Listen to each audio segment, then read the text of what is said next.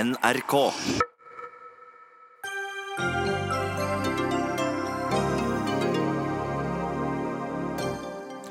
Knut Arild Hareide har funnet den politiske veien, sannheten og livet i form av å ville ha regjeringssamarbeid med Arbeiderpartiet og Senterpartiet. Har han nå effektivt knust Erna Solbergs drøm om en firepartiregjering, og venter nå skjærsilden hos grasrota? Danske Bank oppdaget ikke at 1,5 billioner kroner fra utenlandske kunder strømmet gjennom deres estiske filial i en årrekke. Nå har banken havnet midt oppi en hvitvaskingsskandale. Blogger topper bestselgerlisten med sin første bok, men fikk anmelderslakt for personlige utleveringer.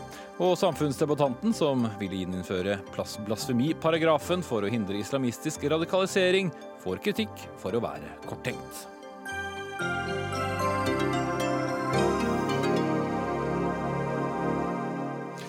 Sier vi god kveld og velkommen til fredagens Dagsnytt 18 med Espen Aas. Der vi vier første del av denne sendingen til de politiske dønningene etter KrF-leder Knut Arild Hareides veivalg mot Venstre i dag. At nå er det tid for å undersøke muligheten for hva for politisk gjennomslag det er mulig å få gjennom et samarbeid med KrF, Senterpartiet og Arbeiderpartiet uten SV. Ja, Disse ordene kan altså føre til en historisk eh, endring i det norske politiske landskapet, og føre til at Arbeiderpartileder Jonas Gahr Støre kan bli statsminister. Kristelig Folkepartis leder Knut Arild Hareide anbefalte også partiet å undersøke mulighetene for regjeringssamarbeid med Senterpartiet og Arbeiderpartiet, og dette kan nå ligge an til å bli sak på et ekstraordinært landsmøte innen kort tid. Jan Tore Sanner, nestleder i Høyre. Hva betyr det for regjeringen at eh, KrF-lederen velger dere bort?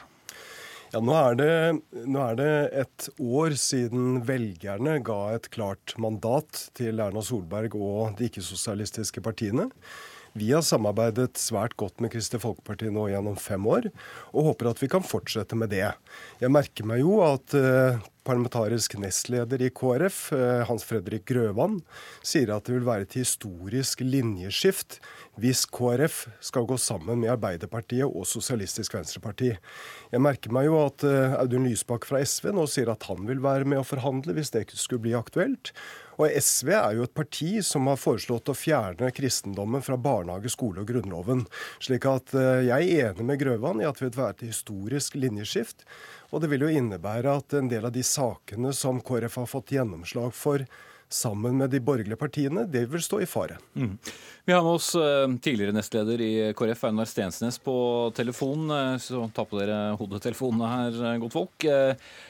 Hva mener du, eller hva sier du til Jan Tore Sanner i dag, Stensnes? Du er jo enig med Hareide? Ja, jeg, jeg syns det var en tale som viste lederskap. Jeg er enig i at det, det var en historisk viktig tale. Iallfall den viktigste jeg har hørt i KrF-sammenheng, og, og, også viktig når det gjelder nye samarbeidsrelasjoner i norsk politikk. Eh, og det må, Dette med lederskapet det, det må en jo innrømme, selv om en nødvendigvis ikke var enig i konklusjonene. Det var en tale godt oppbygd. Den forklarer KrFs oppdrag i norsk politikk.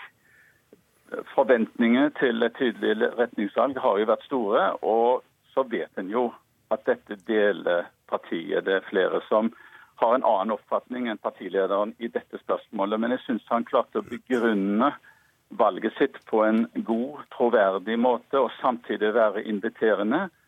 Han appellerte til å komme gjennom denne debatten som et samlet parti med gjensidig respekt for ulike meninger, og det er jo veldig viktig. Hva bør han gjøre hvis han får med seg landsmøtet? Han bør, etter mitt syn, hvis vi skal hvis vi skal filosofere litt over det, så bør han nærme seg dette med en viss forsiktighet, vil jeg si. Det er jo ikke slik at en nå har bestemt nødvendigvis, selv om landsmøtet skulle, landsstyret skulle støtte hans uh, forslag, så er det ikke dermed gitt at en har fått den nødvendige politiske avklaringen med Senterpartiet og Arbeiderpartiet. Dette må en jo forhandle om. En må jo se hvilke muligheter som er den veien. Men det er det som nå åpner seg. Det er et handlingsrom, som han kalte det, som åpnes. Og Grunnen til det er jo at eh, etter 13 år i opposisjon, så er det forståelig at Kristelig søker regjeringsmakt. Og så opplever han, på samme måte som jeg har uttrykt det også, at veien mot Høyre er stengt. Jeg har veldig god erfaring med å samarbeide med Høyre politisk. Jeg har sittet i to regjeringer sammen med Høyre, og det har gått utmerket. Men det er en annen konstellasjon i dag, hvor Fremskrittspartiet er inne i i regjeringsposisjon, og et større parti, også et KrF. Og med den måten Fremskrittspartiets representanter har både omtalt eh, partileder og parti om, så skjønner jo alle mer eller mindre at det, det en trenger personlige relasjoner for å få en regjering til å fungere godt, den er ikke Ok, eh, Stensnes, det må du svare på, Sanner. Er, er døren til Høyre stengt? Nei, tvert imot eh, så har jo vi nå gjennom eh, de siste fem årene vist at vi kan få til veldig mye sammen. Eh, og Kristelig Folkeparti har jo fått store seire. Det Hørtes ikke sånn ut i tallene i dag? Jo, det, det, det, mener jeg at det gjorde. Knut Arild pekte på tre av sine største øyeblikk. Det var da man sa nei til Irak-krigen, det var kontantstøtten og det var røykeloven.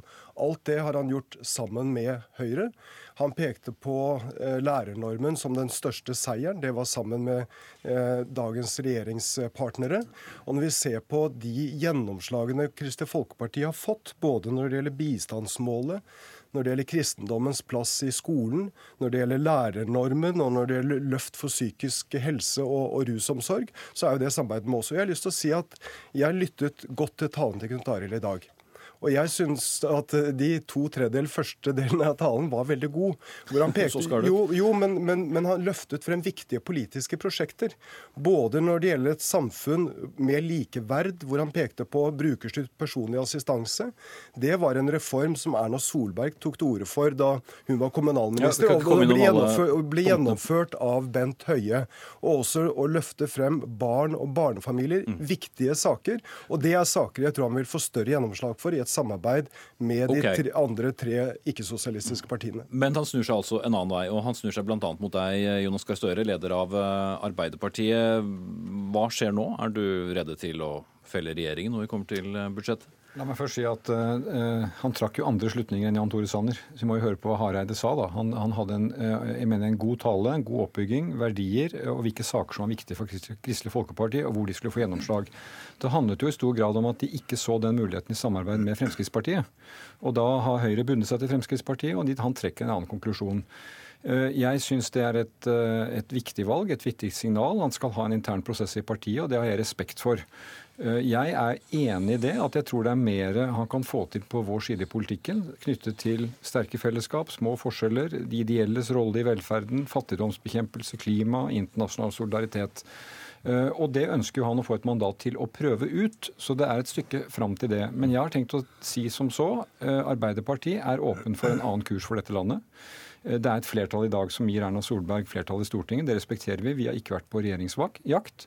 Men hvis flertallet skifter, hvis Kristelig Folkeparti kommer at eh, de vil eh, støtte et annet eh, mannskap, så er Arbeiderpartiet klar til å ta den rollen. Men da må det forhandles, og det må bli enighet om saker. Og da tror jeg vi må begynne i den enden at vi ser på hva vi har felles. Og så må vi respektere der vi har ulikheter, og se om det gir grunnlaget for en god plattform. Jeg tror det er mulig, men det må nå Kristelig Folkeparti i første omgang avgjøre om de vil gå den veien. Men hvor mye har dere snakket sammen på forhånd? Det kommer vel ikke som en overraskelse i dag, det han sa på deg? Altså jeg har sagt at uh, Det var en overraskelse, for det er en nytt signal fra lederen i KrF. Vi bryter av deg nå, Støre, for nå har uh, Knut Arild Hareide gått uh, til pressen. Han skal bare høre konklusjonene fra landsstyremøtet. Det er et utålmodig landsstyremøte som er opptatt av at nettopp det politiske prosjektet vi har landa, det må vi få sette ut i livet. Og det var sterkt engasjement knytta til det, spesielt til de store prosjektene. Eh, Kjell Ingolf har ledet arbeidet med en barnereform. Det å styrke barnetrygden. Eh, det å gjøre noe med foreldrepengeordningen. Eh, og òg det å gi gratis barnehage fra barn tre og oppover. Har det vært sterk tilslutning til.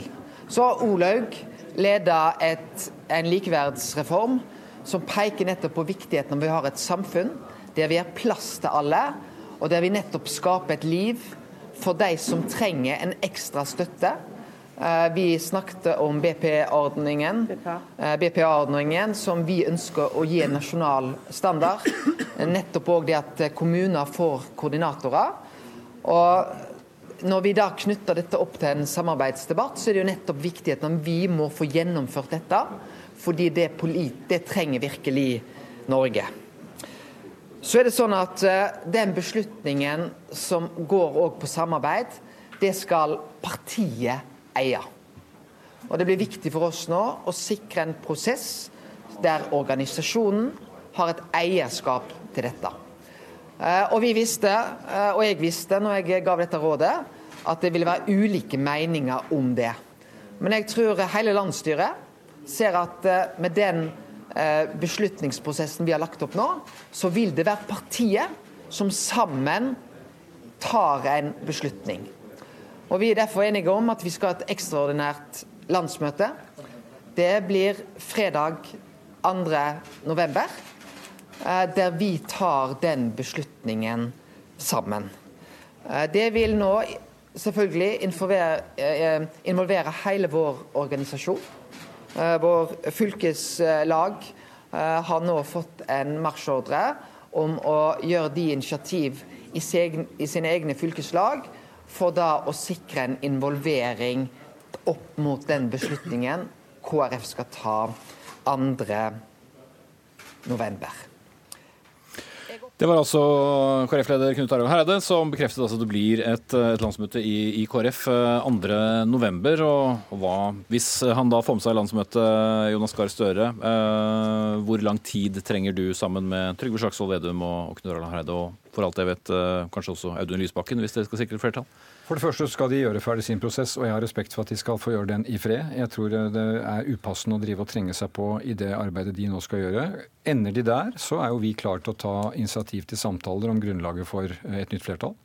Eh, og det skal vi tenke gjennom når vi nå går inn i oktober. Eh, ha kontakt også med, med Senterpartiet. Og for Arbeiderpartiet er det ikke slik at vi lukker døren eh, til andre partier. SV og Senterpartiet har vært våre gode partnere. Vi hadde ansvaret for Norge gjennom åtte år og tok det ansvaret på alvor. Og så får vi se hva grunnlaget er i de politiske sakene når vi da eventuelt kommer til november. Men er Knut Arild Hareides ønskeregjering også din ønskeregjering? Altså bestående av KrF og Senterpartiet uten SV, men med støtte da altså, vet, Jeg har ikke lukket døra, jeg og det mener jeg er feil å gjøre nå. Eh, vi eh, gikk til eh, avklarte etter valget vi, at vi var ikke på regjeringsjakt.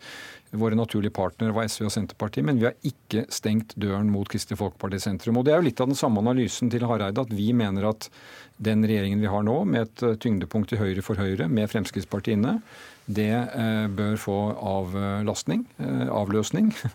og Norge bør avlastes, og da eh, er vi åpne for å finne det hvis flertallet skifter i Stortinget. Og gjør det det med Kristelig Folkeparti, så skal Arbeiderpartiet gå inn i det med fullt alvor. Mm.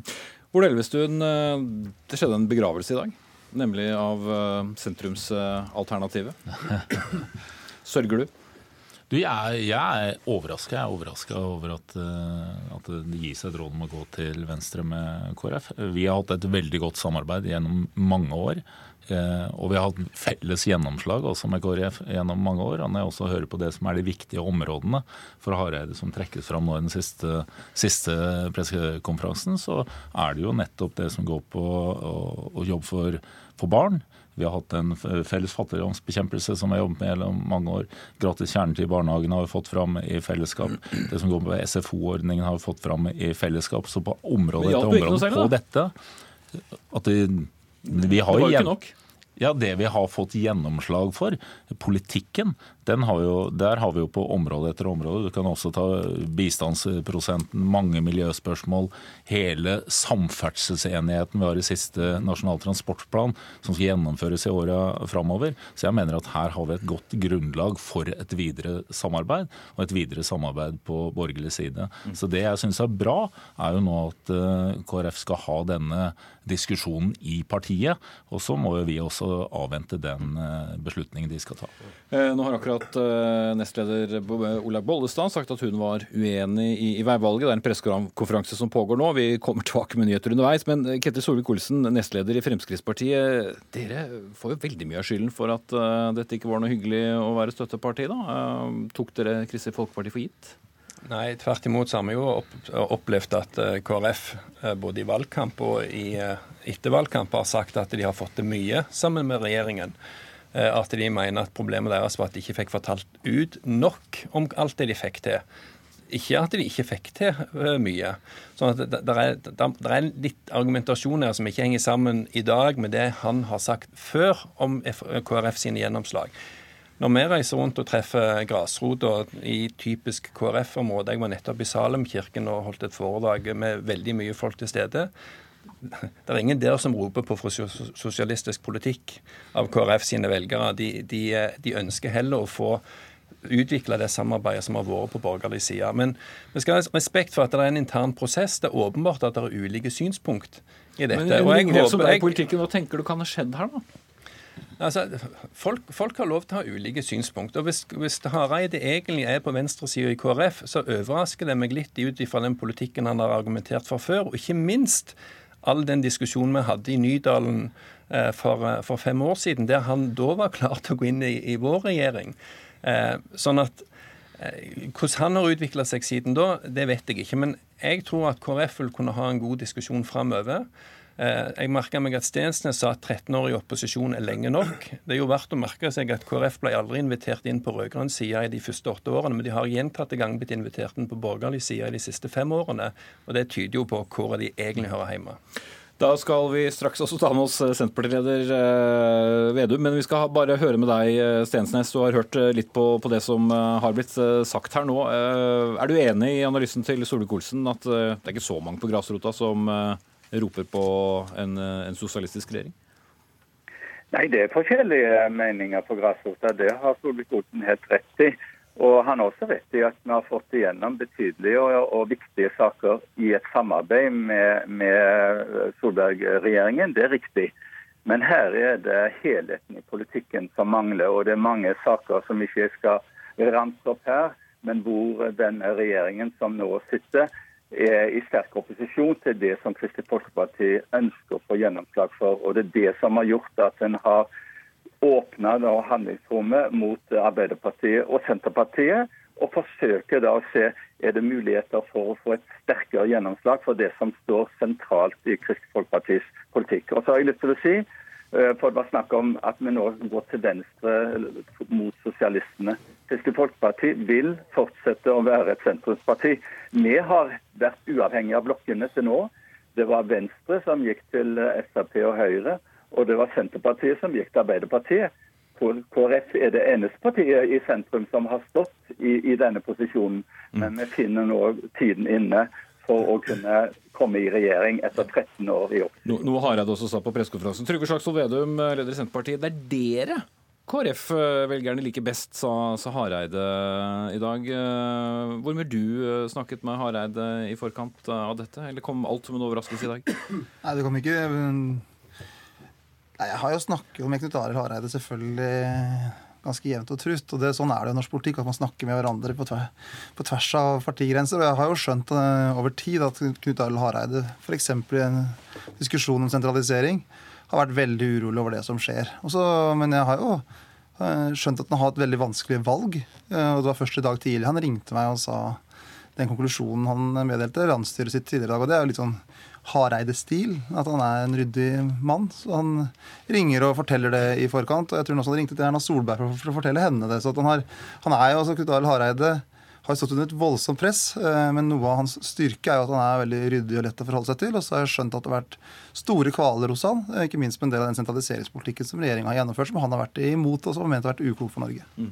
Men vi må stille spørsmål til deg òg. Altså, hvis eh, landsmøtet er enig med, med Hareide, hva, hvor raskt mener du at det kan være aktuelt å eventuelt felle sittende regjering? Da er det igjen sakene som er det viktige. Og det var jo noe det som var bra med talen til Hareide i dag. Han løfter over mange saker, f.eks. den såkalte nærpolitireformen som er blitt en fjernpolitireform. Og da må vi jo da få til nye politiske grep når det gjelder politi, Mm. Så det er mye dere må bli enige om. Region, regionreform. Det er mange diskusjoner her. Og så er, er det bra at Knut Haide altså løfter opp sånne spørsmål som surrogati. At det er viktig at det er noen partier som sier at det er klokt at vi ikke skal tillate surrogati i Norge. At vi er eh, tydelige på det. At vi tror det er, at det er en uklok utvikling hvis det er sånn at de som bærer fram barnet, ikke er de som skal ha barnet. Og der, og Den type debatter blir ofte ikke så veldig mye framme i hverdagen. Men der har jo også Senterpartiet og KrF eh, mye felles. Og i distriktspolitikken og fordelingspolitikken så har jo da Hareide i dag sagt at han ikke er fornøyd med den kursen som Høyre og Frp kjører. Det skjønner jeg godt. Og han er mer enig med Senterpartiet, og det syns jeg selvfølgelig er positivt. Eh, ingen lett prosess, eh, forteller Bollestad oss på pressekonferanse, det, det tror vi på. Men eh, det skal jo legges frem et budsjett neste mandag. Jan Tore Sanner, hvordan ser du for deg maktforholdet blir i Stortinget fremover? Forventer du fortsatt støtte fra KrF til det budsjettet og inntil de har hatt sitt landsmøte? Vi må jo fortsette å styre landet videre. Eh, vi har fått et mandat fra, fra velgerne, og, og vi må, må, sørge for at Norge blir styrt på en god måte. Så budsjettet blir lagt frem eh, om en uke, og så er det jo da prosessen i Stortinget som vil vise om det er flertall for dette budsjettet. Jeg håper og tror det. Jeg tror KrF vil se at dette er et eh, budsjett hvor de vil nikke gjenkjennende til mange av sine, sine saker.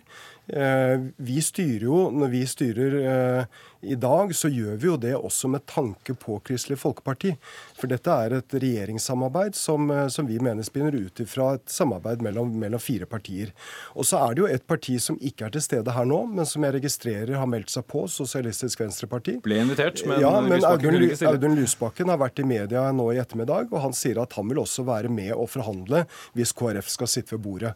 Og Det betyr jo at, at hvis Knut Arild Hareide skulle få flertall i KrF for for å kaste Erna som statsminister, ja, så betyr det at han må gjøre det i et samarbeid med Sosialistisk Venstreparti. Og, og, da kan det være interessant å gå gjennom sakene og se eh, de viktige sakene fra KrF, i hvert fall de vi har fått på bordet de senere år, med kristendommens plass i skolen, med kristne friskoler.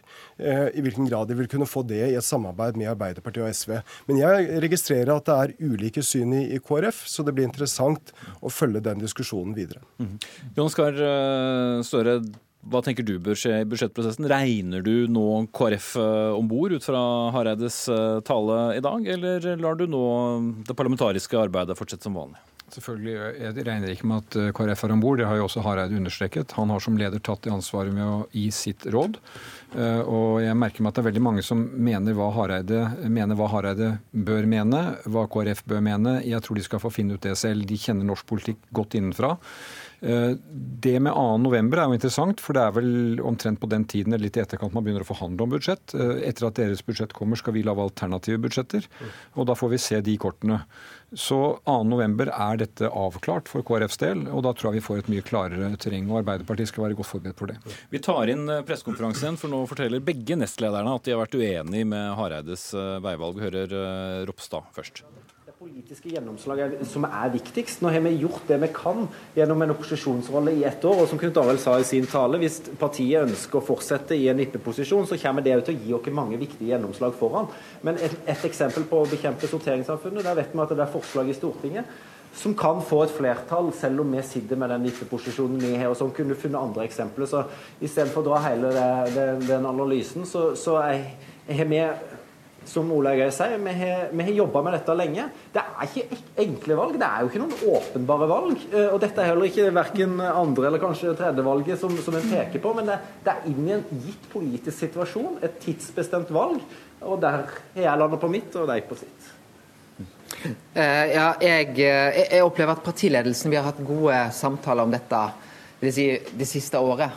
Uh, og spesielt så har vi hatt uh, tette møter fra begynnelsen av sommeren uh, og fram til i dag. Jeg kan nok for egen del valgte jeg å konkludere for litt over ei uke siden på at jeg ville gi mitt tydelige råd inn mot dette møtet. Og det tror jeg at uavhengig av om en har vært enig i det eller ikke, så tror jeg at partiet har satt pris på det. Det har gjort at denne prosessen kan bli enklere. Så er det sånn at eh, nå skal partiet eie denne prosessen. Og jeg har lyst til å si til eh, de andre partiene at eh, det er selvfølgelig lov til å delta i den politiske debatten. Men jeg tror, jeg tror faktisk at KrF-ene kommer til å være opptatt av at vi skal eie denne prosessen sjøl. Og så er det sånn at når kan vi gjøre samtaler og gå i dialog med eventuelt regjeringa eller Arbeiderpartiet og Senterpartiet? Ja, det må jo skje i etterkant av vårt landsmøte. Ja, disse spørsmålene, Hvordan ser du for deg at Erna skal kastes? Vi skal nå eh, ha et landsmøte der vi skal ta en beslutning. Jeg skal ikke begynne å spekulere før vi har landa et vedtak på vårt landsmøte. Det syns jeg ikke er eh, Jeg ønsker å være fair opp mot den eh, beslutningsprosessen vi nå har lagt. Er det noe statsminister Erna Solberg kan gjøre for å overtale deg? Det kan hun. Det, er klart at jeg, jeg har jo venta på Erna. Eh, men jeg forstår og har respekt for det valget Erna har tatt. Det sa jeg òg i talen min. Hun har valgt eh, Fremskrittspartiet. Eh, men vi, og jeg har jo vært ærlig på det, at det er jo ikke Høyre som har vært problemet i, i, i samarbeidet opp mot regjeringa. Høyre er jo et av de partiene som står veldig nært KrF i mange saker. Men vi har respekt for det valget Erna har tatt. Jeg har òg sagt at Erna Solberg har gjort en god jobb som statsminister. Eh, og det er jo nettopp fordi vi ønsker å påvirke politikken i enda sterkere grad. Og at vi ønsker en regjering som er tettest mulig på sentrum i norsk politikk.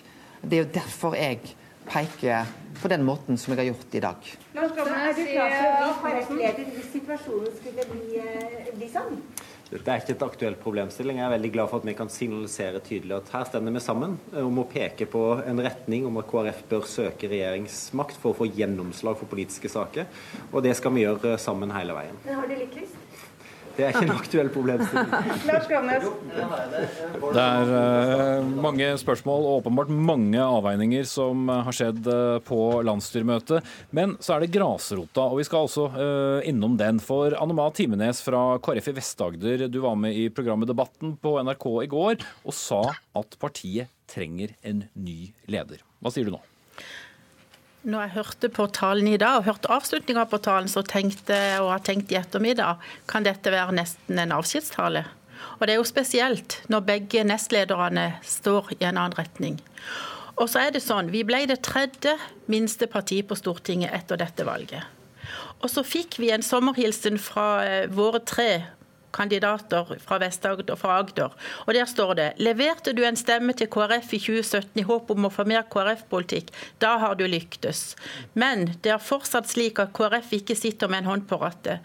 Vi fikk 18 saker igjennom i om, flere av de er blitt nevnt.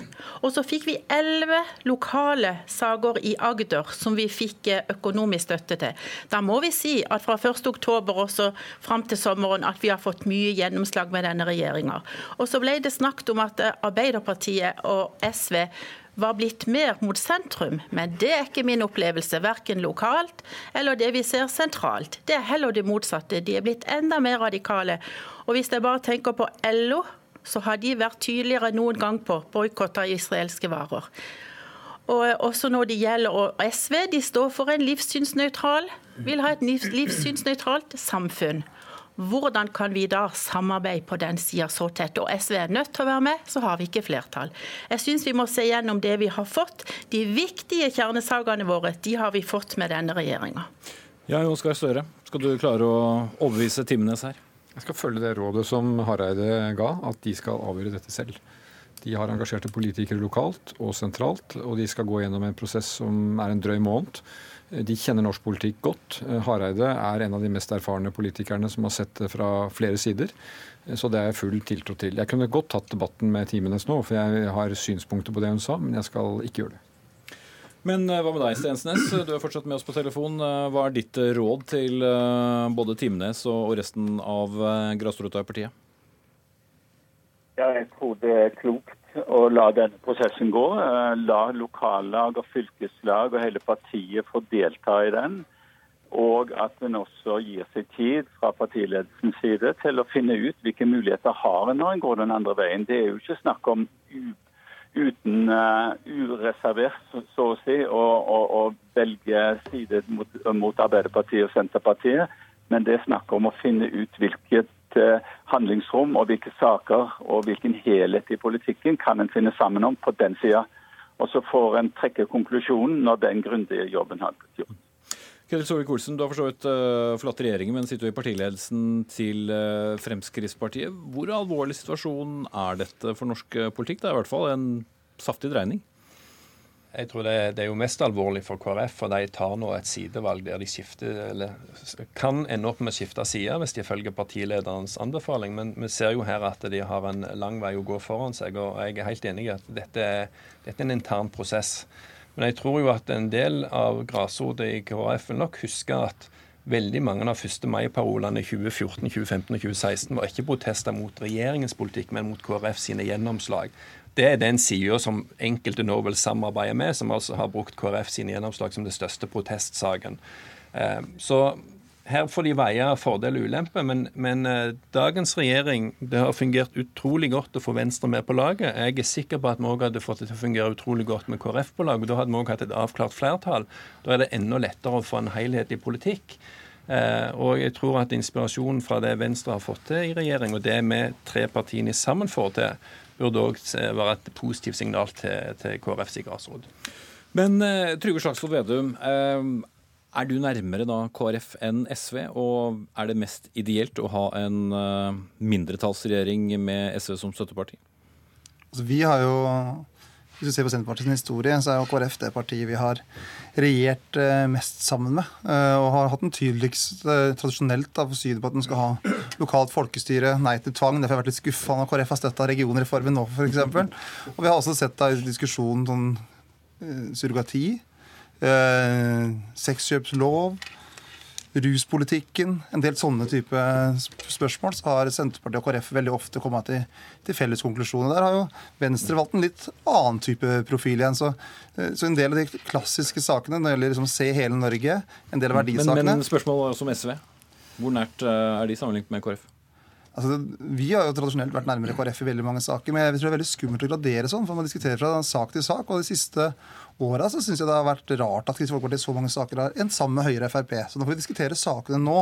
Og vi er veldig tydelige på hva vi ønsker eh, framover. Og det tror jeg alle i rommet veit òg. Og det kommer til å det løfter Hareide opp, f.eks. politi. At det har blitt en fjerde Er din drømmeregjering den samme som eh, Hareides, altså med Arbeiderpartiet og KrF? Ja, det, som, det vi var tydelige på før eh, valget, var at vi skal ha en regjering som får politisk gjennomslag. og Da sa at vi ønsker å ha en Senterparti-Arbeiderparti-basert regjering. Og så skal vi se hvilken sak vi kan få gjennomslag, så at vi kan få ha politikk for hele Norge og ha tjenester nært folk. Og ha en god beredskap. Var det et ja på at du liker den samme regjering ja, det kommer, an, det kommer helt an på hvilken sak vi får gjennomslag for. Og jeg tror at med det Men det gjelder vel uansett? Jo, men det er derfor med de sakene Knut Arild Hareide løfta fram i dag, med å se hele Norge, nasjonalt eierskap, de ulike verdiene i matpolitikken, så tror jeg det er fullt mulig. Men da må vi sette oss ned, diskutere og se om det er grunnlag for det. Det kunne vi også gjort her i minst en halvtime til, men vi må sette strek der, rett og slett. Takk til Ketil Solvik-Olsen, Ola Elvestuen, Trygve Slagsvold Vedum, Jonas Gahr Støre og nestleder i Høyre, Jan Tore Sanner, og også eh, tidligere nestleder i eh, KrF, Einar Stensnes. Og vi skal eh, bytte dere ut, som vi ofte gjør her, med våre eh, kommentatorer. Eller både vår egen kommentator og eh, andre kommentatorer. For er det noen som har vært travle i dag, så har det vel i hvert fall vært nettopp politiske kommentatorer. Og jeg begynner med deg, Magnus Takvam. Du fulgte jo pressekonferansen tidligere i dag og har jo snakket mye om dette. Det var kanskje ikke det mest overraskende, både ut fra signalene som kom i, i boken, men uh, talen, var, var, han klarere enn du forventet? Ja, så når, når, han har et så klart budskap i en så kontroversiell sak i Kristelig Folkeparti, så er det klart at man, uansett om man har eh, lest tegningen litt på forhånd, blir overrasket der og da. Det er det ingen tvil om. Men, eh, og det er jo en risiko og en høy pris på en måte eh, Hareide eh, betaler her, når vi nettopp har hørt at hele topptrioen er Altså, De er uenige seg imellom. Men det, det, som er poenget, er jo selvfølgelig at for Hareide selv, for han personlig, så tror jeg det var umulig i valget mellom disse to alternativene å, å foreta et annet politisk valg. Og så får det bære eller briste. Mm. Åshild Mathisen, eh, tidligere sjefredaktør i Vårt Land og nå skribent i Morgenbladet, fulgt eh, KrF eh, tett. Er du enig i at ikke de, de hadde noe valg? Det er jeg enig i. Det har modnes en forventning i, i, partiet om at et valg må tas, og det valget må lede til makt. Og da er det jo sånn at når Hareide viser at Høyre har gjort et valg, og valgt Frp, det er umulig for han. Og når man da skal søke makt, så er det venstresida. Og han starter talen med å vise til Jon Lilletun, som har vært et politisk forbilde for han alltid, og som har en veldig høy standing i partiet. Eh, og han står jo i en lang tradisjon som har tatt avstand fra eh, Frp med disse partilederne. Og så er det sånn at selv om nå er partiet et smalt grunnfjell som vi ser protestere på dette, men Hareide har jo en eh, visjon om et bredt folkeparti. Eh, og må på en måte sikte eh, mot det. Så, så, det er ikke noe alternativ for han å, å, på en måte bare tilfredsstille det grunnfjellet. Han prøver jo da å appellere til mulige nye velgere, og de man har mista gjennom alle disse årene med Høyre-samarbeid. Men uh, Magnus Akvam, vi har Arbeiderpartiet, som har uh, en av sine dypeste daler på året dag. Vi har et Kristelig Folkeparti, som opererer på, på sperregrensen. Ja, et ganske sterkt Senterparti, men også et, et, SV som da kanskje ikke skal være med, men som likevel er større enn en KrF. Er det et, har de et godt regjeringsgrunnlag hvis du skulle kaste Erna Solberg? Altså, Det som man kan legge merke til hvis man skal se på detaljer her, er jo at i boka til Hareide så la veldig mange merke til at han hva skal vi si, friskmeldte SV i politisk forstand, og var veldig forsonlig i analysen av SV. Og på mange punkter trakk han fram det som forener dem, istedenfor å ha en front. Nå strammet han inn det i talen og gjorde det ganske klart at det er ikke eh, aktuelt for han å gå inn for et regjeringssamarbeid med SV. Men det er åpenbart eh, et, en politisk utfordring, for SV må være med der for å skape flertall, og de må ha et, et forhold til SV. Og SV vil også kreve gjennomslag, helt, helt, åpenbart. Akkurat nå så har vi med oss, eller vi intervjuer Olaug Bollestad nede fra pressekonferansen. Bare høre litt hva hun sier om, om det dilemmaet hun har stått i punkter som Knut Arild hadde i, i, i, talen sin, så kjenner jeg jo at noe river tungt i meg. Eh, men samtidig så har jeg valgt å se på de resultatene vi har fått til i de fem årene vi har samarbeidet om budsjett, og hvor vi har fått en forståelse for det som har vært våre viktige eh, punkter. Og jeg tenker at de stegene vil jeg gå videre. Men i den ryggen så har jeg da eh, det som er fotavtrykket, som KrF skal være eh, sitt varemerke i dette. Og får vi ikke det til, OK, da eh, tenker jeg da må vi si nei takk til det. Så det handler jo om å få det fotavtrykket, og da velger jeg at vi må se på det alternativet først. Du sa i start du var lenge usikker, og du, og du har også helt andre veien. Hva var det som, hva var det som gjorde at du ikke ønska et samarbeid mot Venstre? Jeg har mye godt til venstresida i norsk politikk. Jeg har mange gode relasjoner til både partiledere og til folk, og fotfolk. Men det er, det er, et skifte enten vi går til Frp eller vi går til Arbeiderpartiet i KrF oss som. Eh, og nå tenker jeg at nå er det landsmøtet som skal få ta det. Og for meg, så hadde jeg fått valgt fra øverste hylle, så har jeg en fordelingspolitikk fra venstresida, og jeg har en god politikk fra høyresida på det at du tar selvstendige valg. Hadde jeg fått blant dette og valgt det, så er det klart det hadde vært det beste. Men det er ikke alternativet. Men var det en eventuell eh, Vi eventuell går tilbake til studio her og hører altså at eh, nestleder Ola Bollestad sier at hun først vil eh, snakke med den sittende eh, regjering. Eh, hvordan skal de klare å navigere her, Magnus Akvam? Ja, det er jo nå da det på en måte, Det er tre alternativer dette landsmøtet 2.11 har. Det er eh, Hareides råd å følge det, forhandle med venstresiden. Ola Bollestad Ropstads råd om å først forhandle med den borgerlige regjeringen, Solberg-regjeringen, eller eventuelt å gjøre som nå å være i opposisjon. Men det er jo veldig man kan tolke det Bollestad sier på mange måter, men én måte å tolke det på er jo at både hun og Ropstad, i tilfelle man velger Arbeiderpartiet, vil jeg tro aksepterer det valget. Altså på en måte å ikke bryter, så å si, med, med det. Eh, og det er jo litt hva skal vi si, interessant at eh, man kan velge på en måte mellom den ene eller den andre regjeringen og leve med begge deler. Det sier jo for så vidt litt om, eh, om konsensus i politikken også. Da, og, og, muligheten kanskje KrF har.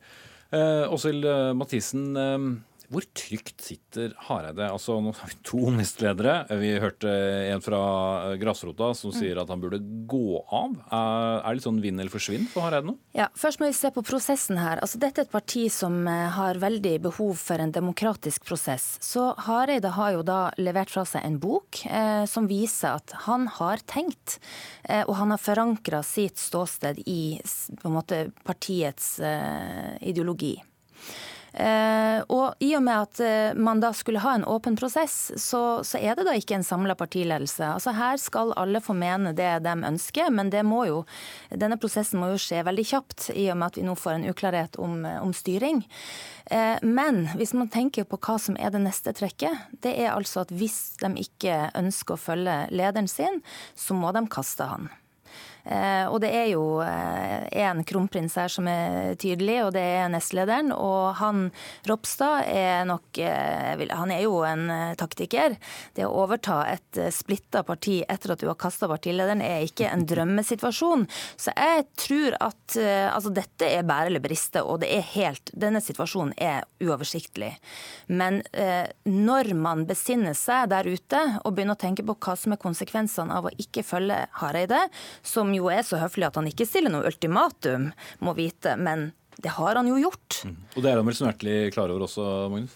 Ja da, det tror jeg nok. Og han forsøker, eh, forsøkte på denne pressekonferansen å eh, prate bort den typen spørsmål som er veldig naturlige. Og han har gjort et valg der om ikke å åpent eh, stille et kabinettspørsmål, slik at partiet samtidig både skulle ta stilling til det, hans lederskap og og veivalget. Men det er klart at det ligger der eh, implisitt uansett.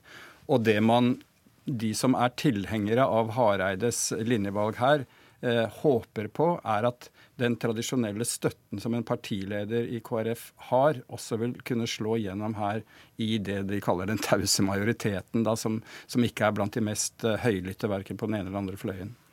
Så ser vi en relativt rolig partileder også, fordi han har ingenting å tape. Nå har han sagt hva som er hans, det prosjektet han ønsker, og da er det take it or leave it. Du nevnte jo Ropstad. Eh, vi kan høre hva Ropstad sier nå eh, direkte fra vår reporter eh, nede på Stortinget. Eggdonasjon og siste skranke mot surrogati. Og når jeg ser sånne saker glippe, så mener jeg at det er naturlig å søke regjeringssamarbeid. Hva er det som gjør det så vanskelig for deg å, å lene deg mot venstresida i, i dette spørsmålet? Jeg er veldig åpen for at det kan være resultatet. Dette skal partiet bestemme. Vi er et sentrumsparti som kan samarbeide begge veier. Men jeg mener at i utgangspunktet, etter så godt samarbeid de siste fem årene, så bør vi sondere med dagens regjering først. Om partiet på landsmøtet velger å gå motsatt vei av det du ønsker, eh, hvordan eh, ser du på din posisjon i partiledelsen? Eh, det får jo landsmøtet vurdere, men jeg er veldig avslappa på det. Nå tror jeg veldig mange KrF-ere er klar for at det skal fattes en beslutning. Vi har brukt lang tid på dette. Latt eh, partiet prøve ut opposisjonsrollen i, i ett år. Og det jeg hører, er at vi ønsker en beslutning. Med å gå til høyre ja, Da fikk vi altså høre også hva den andre nestlederen, eh, Ropstad, sier om situasjonen. Det som iallfall er helt sikkert, er at det kommer til å bli et uhyre spennende landsmøte idet vi vipper over i november. Takk til til Åshild Mathisen og Magnus Akvam. Dagsnytt 18 alle hverdager klokka 18.00 på NRK P2 og NRK2.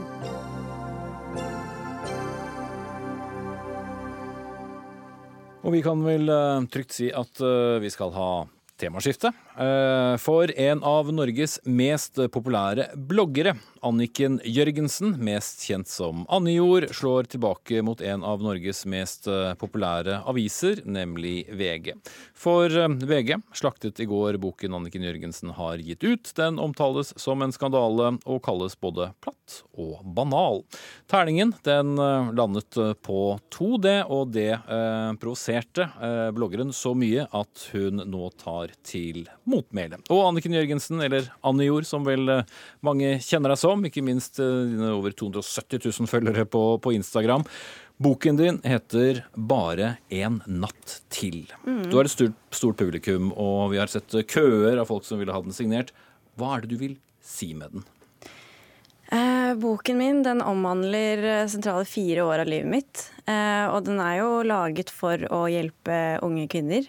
Eh, med alt mulig, og med skam og med kjærlighetssorg, og hvor turbulent et forhold kan være med venner og familie, og hvordan livet ikke alltid er like greit. da. Og mest av alt at, at man ikke skal føle seg alene. At, eh, at, det er helt normalt å føle disse tingene, det er helt normalt å ha disse tankene. Og det er helt normalt å drite seg ut som 15-åring. Mm. Og den er universell nok til at den kan være en slags uh, ja, selvhjelpsbok? Jeg vil si det. Ikke bare for ungdom også, men også for foreldre. Å vite hvordan barna har det, og, og, Nei, rett og slett for alle. Jeg tror alle kan kjenne seg igjen i noe. Mm. Men uh, mottagelsen uh, var du ikke bare begeistret over hos anmelderne, f.eks. i VG? nei, det var jeg ikke. Hva tenkte du da du så anmeldelsen? Eh, først og fremst så blir man jo veldig lei seg, da. Man blir jo skuffet. Det er noe man har jobbet med i mange, mange, mange år. Og, og føler at det er til for å hjelpe, og ikke for å klage. Eh, og føler nok veldig i hvert fall at eh, jeg er nok oppegående nok og smart nok og har lest nok bøker og har nok hjerneceller til å forstå at den boken ikke er en toer. Mm. Selv om du kanskje har et litt subjektivt forhold til den. Eh, Trine Saugestad Hatlen, du anmelder i, i, VG. Overskriften på anmeldelsen er kort og godt 'en skandale'. Hvorfor er det en skandale?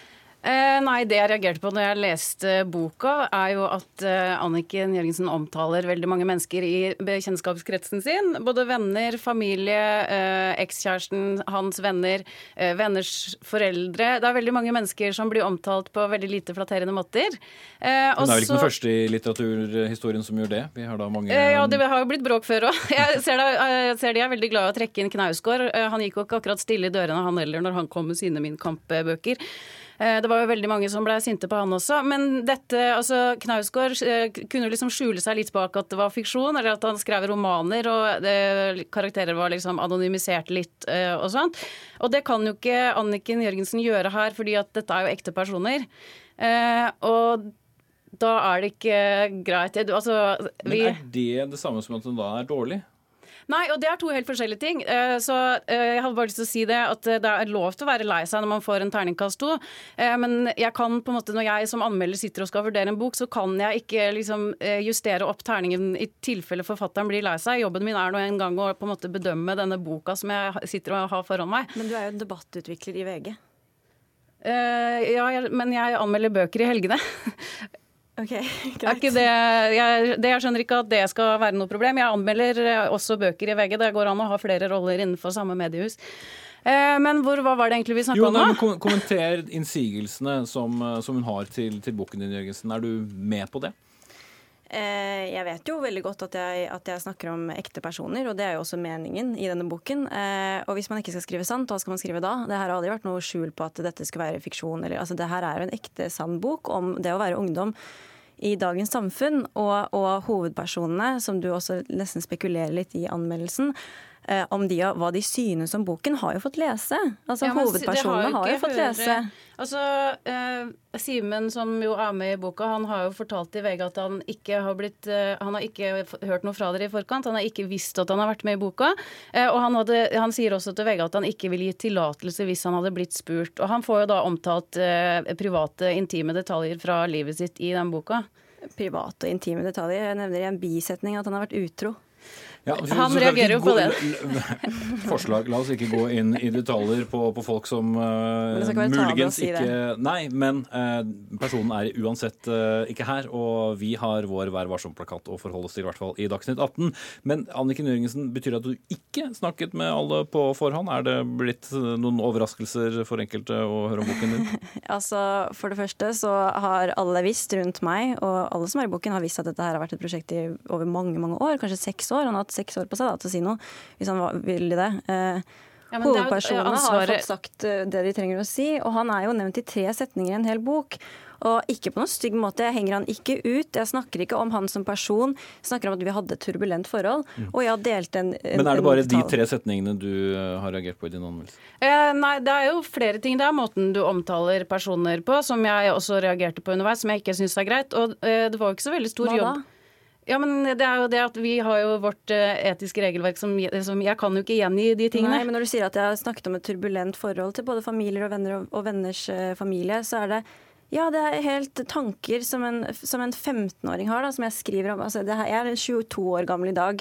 Jeg har mange tanker til hvordan livet er, men dette her er en 15 år gammel jentes tanker om hvordan livet hennes er og menneskene rundt henne. Og har jo ikke skrevet noe stygt om noen. Men ja, men Simen reagerer på det her. Og jeg mener ikke egentlig at dette er uh, ditt ansvar. Uh, jeg mener at forlaget burde tatt det ansvaret. Hvis jeg skriver noe feil i VG, uh, da er det VG som må stå Det er VG som har redaktøransvaret for det jeg skriver i VG. Og sånn men, burde også forlaget reagert på de tingene i boken din. De men forlaget er ikke her, det er, er, forfatteren, så vi må også stoppe deg på det. men altså, du bruker jo adjektiver som platt og banal banalt også. Ehm, men det er en 15-årings eh, tanker. Eh, er du Kan en anmelder eh, Er en anmelder i VG det samme som, som publikum som leser den? Jeg har i hvert fall fått i oppdrag å anmelde den, og jeg vil regne med at de som har bokansvar i VG, anså meg som en anmelder som kunne anmelde denne boka her. Jeg er veldig, egentlig veldig glad i denne typen bøker, men jeg syns ikke at dette fungerte. Nei, det er liksom fungerte. Altså hva, på hvilken måte. Du er da, en voksen kvinne. Eh, det virker som du aldri har hatt et turbulent forhold til familie eller venner. Det virker ikke som du har hatt kjærlighetssorg. Det virker i hvert fall ikke som du har barn. Det virker ikke som om Ja, men virkelig, jeg skjønner ikke hva du ler av. Det her er jo, altså, du, du, og du, hvordan du skriver om meg som person i denne anmeldelsen, det er jo ikke pent i det hele tatt. Å si at jeg er overfladisk, for jeg brydde meg om øyevippene mine når jeg var ti år gammel og var usikker Nei, på meg selv i skolegården. Jeg snakker ikke om deg som person, eh, Anniken Jørgensen. Jeg sier at eh, du, du behandler hele tatt. Du snakker ikke om oppbyggingen av boken, hvordan handlingen er, hvordan start til slutt eller noen ting. Du går på meg som person og sier at ja, noen av mine lesere kanskje har lyst til å gi meg en klem, men du har ikke noe medfølelse eller sympati for meg. Jeg skrev at jeg hadde lyst til å gi deg en klem. Ja. Det står ikke det nå lenger. Dere kan ta den klemmen hvis dere vil nå. Men tiden her er i hvert fall uh, ute i studio. Takk til Trine Søgestad Hatlen, anmelder i VG, og Anniken Jørgensen, eller Anne Jord, forfatter.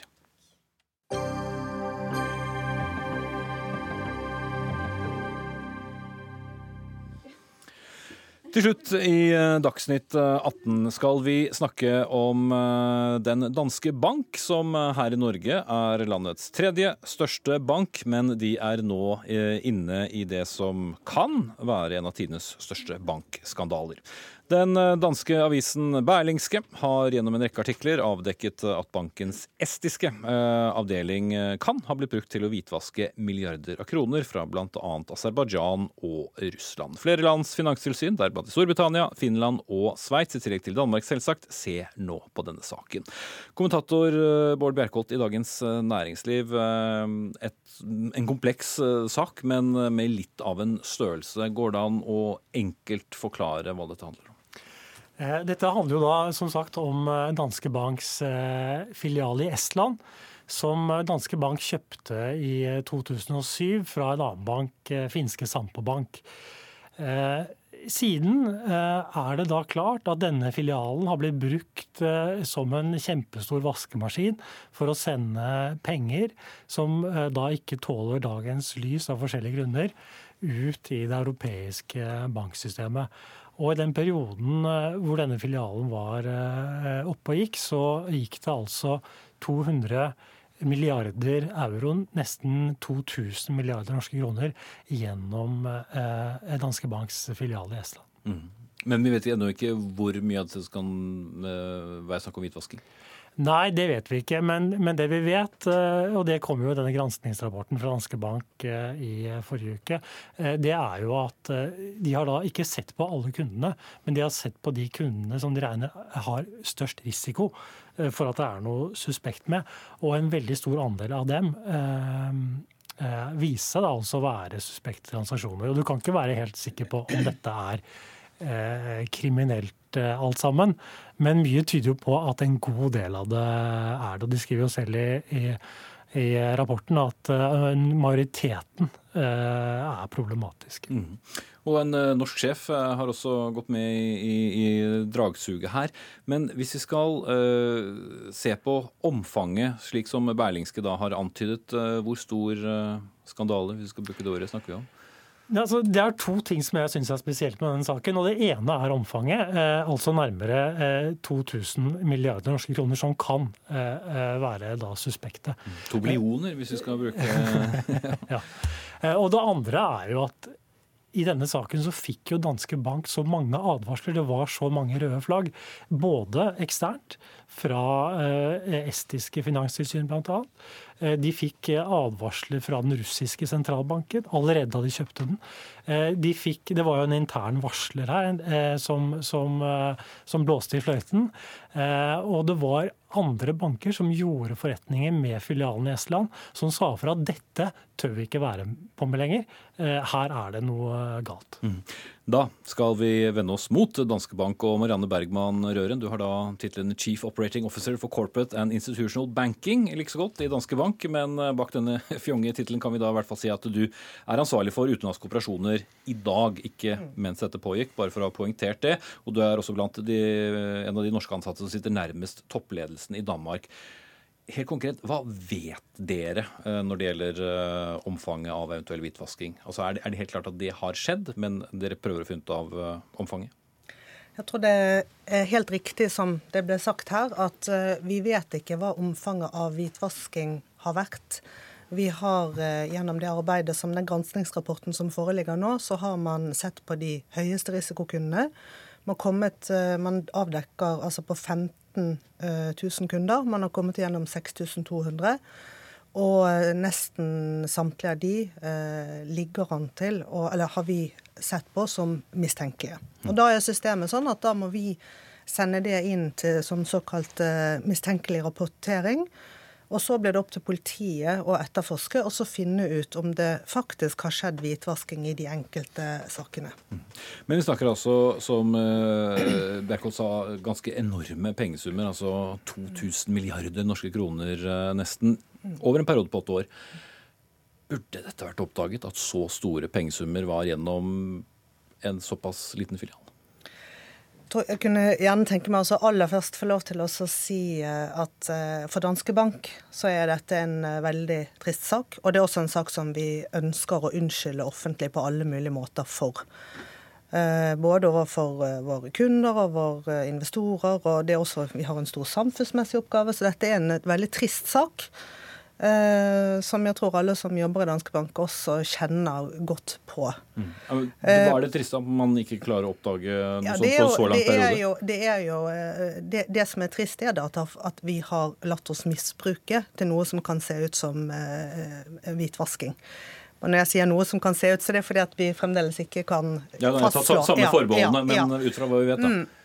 Og så, eh, når det er sagt, så er det jo da å prøve å forstå og lære noe av hvorfor kunne dette skje. Og da er det det er flere faktorer. Eh, dette var, eh, som du helt riktig sa, et oppkjøp og en estlandsk bank som kom med den finske banken vi kjøpte. Da har nok den stått for en liten andel av, av resultatet, og man har ikke hatt det fokuset på som man skulle hatt. Det er også riktig at det ble gitt en rekke varsler som man nok ikke har eh, fulgt godt nok med på. De har ikke fulgt med på i hele tatt, vil vel noen si? Ja, det vil, det vil nok også være riktig. Det, det, har en, det, har vært en, bank som har operert helt på en egen plattform og på et eget språk, og det har vært veldig langt vekke fra hovedvirksomheten. Og er det vanlig å kjøpe banker og ikke følge med på hva de gjør? Jeg, det skal ikke jeg eh, uttale meg om, men, eh, men, eh, her er det helt klart at vi har ikke gjort den jobben vi skulle gjøre. Mm. Ok, Jeg er med på at det kan være veldig vanskelig å gradere det, men når du har altså Økokrim og Finanstilsyn i en rekke land som ser på det, mm. det vært snakket om at dere kan få bøter mot 11 milliarder. Um, hva betyr dette for bankens omdømme? Hvor lang tid kan man bruke for å gjenopprette den? Jeg tror alt det vi kan gjøre, er også for det første være veldig tydelig på at dette er et eh, isolert problem. Det er en helt annen situasjon i banken i dag, og vi jobber på veldig strukturert og ordentlig med å bekjempe hvitvasking. Ja. Jeg må rett og slett uh, sette strek der, fordi vår, uh, vår tid er ute. Takk til Bård Berkholt i Dagens Næringsliv og Marianne Bergman Røren i Den danske bank. Ansvarlig for ukens siste Dagsnytt 18, det var Anne Katrine Førli. Lisbeth Sellereite styrte teknikken, og her i studio Espen Aas.